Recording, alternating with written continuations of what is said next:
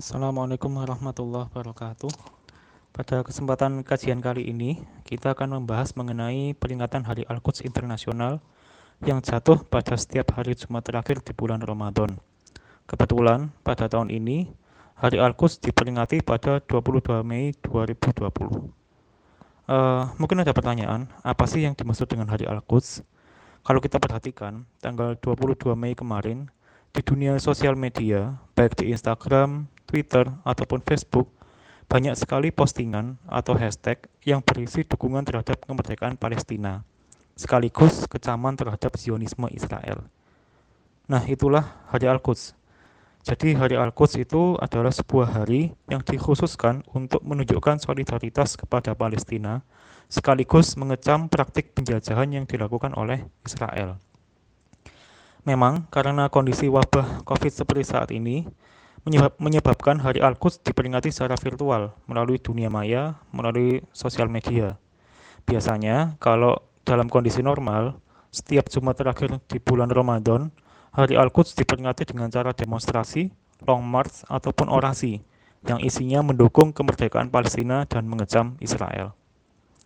Yang menarik, kalau kita perhatikan, Hari Al-Quds ini tidak hanya diikuti oleh komunitas muslim, tapi juga berbagai komunitas dari lintas agama, lintas pemikiran, dan lintas bangsa. Jadi ini bukan hanya peringatannya orang Arab saja atau orang muslim saja, bukan. Tapi ini diperingati oleh berbagai komunitas dari lintas identitas, entah itu identitas agama, identitas politik, eh, dan identitas bangsa. Maka nggak heran kalau di hari Al-Quds itu kita misalnya bisa menemui kelompok Yahudi ultra-ortodoks yang anti-Zionis seperti Netori Karta. Nah, kelompok ini itu setiap peringatan Hari Al-Quds itu bahkan sampai membakar bendera negara Israel. Bahkan secara terang-terangan mengecam eksistensi negara Israel. Menurut kelompok uh, ultra ortodok ini bahwa negara eksistensi negara Israel itu adalah pembajakan terhadap uh, ajaran Yahudi. Jadi kalau menurut ajaran uh, ultra ortodok ini bahwa Israel itu menyalahi uh, ajaran dari Taurat seperti itu. Jadi uh, makanya kita bisa menemui di Hari Al-Quds ini bahkan kelompok Yahudi yang apa ultra ortodoks itu bahkan ikut mendukung kemerdekaan Palestina dan mengecam Israel. Jadi ini menariknya Hari Al-Quds, jadi hari di mana berbagai komunitas itu apa namanya uh, berkumpul bersama berorasi untuk uh, meneriakan menyuarakan dukungan terhadap Palestina sekaligus mengecam Eh, eksistensi Israel dan mengecam penjajahan Israel terhadap Palestina. Kapan sih Hari Al-Quds ini pertama kali diperingati dan kenapa kok uh, ada peringatan Hari Al-Quds? Jadi Hari Al-Quds ini pertama kali diperingati di Iran pada tahun 1979 yang diinisiasi oleh seorang ulama pejuang asal Iran yaitu Ayatullah Khamenei, pendiri Republik Islam Iran.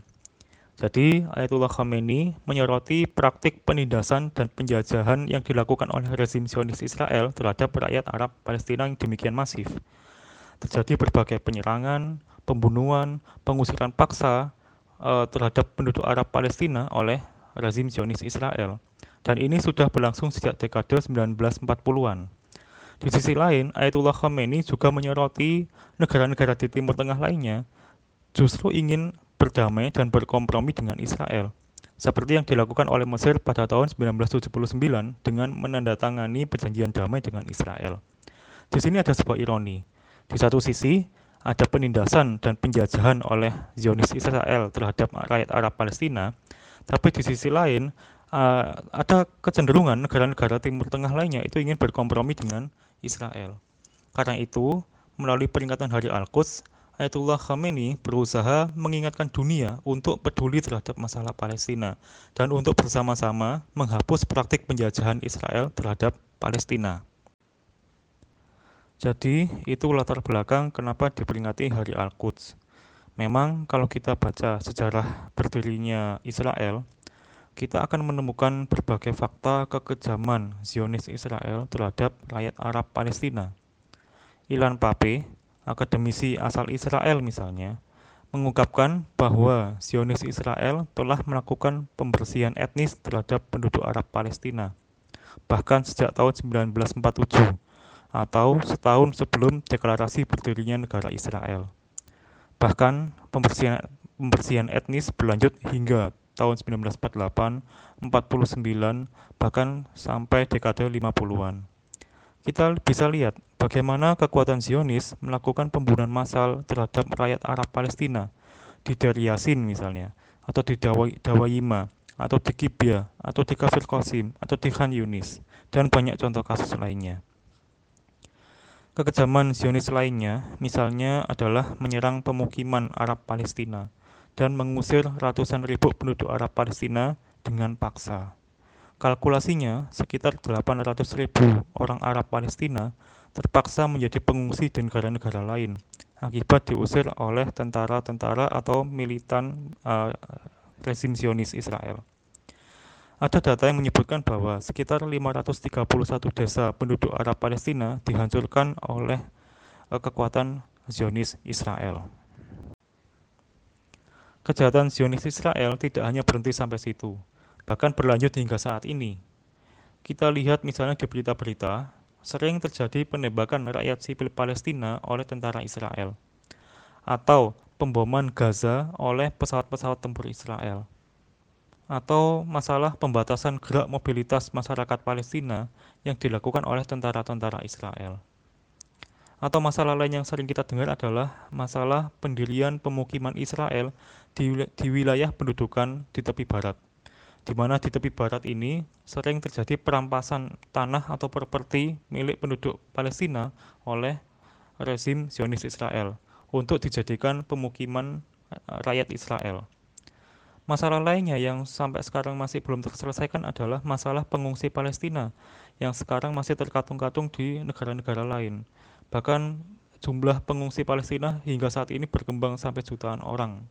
Ini adalah konsekuensi akibat penjajahan yang dilakukan oleh Israel yang terus bertahan hingga saat ini. Jadi dari fakta-fakta itu perlu ada semacam sebuah momen untuk selalu mengingatkan dan membuka mata dunia bahwa masih ada praktik penjajahan yang bertahan hingga saat ini. Seperti penjajahan yang dilakukan oleh Israel terhadap Palestina. Nah, di sinilah pentingnya Hari Al-Quds. Hari Al-Quds menjadi event untuk mendorong solidaritas global mendukung perjuangan kebebasan Palestina, sekaligus ajang mengecam penjajahan yang dilakukan oleh Israel. Lalu bagaimana posisi dunia internasional terhadap Israel?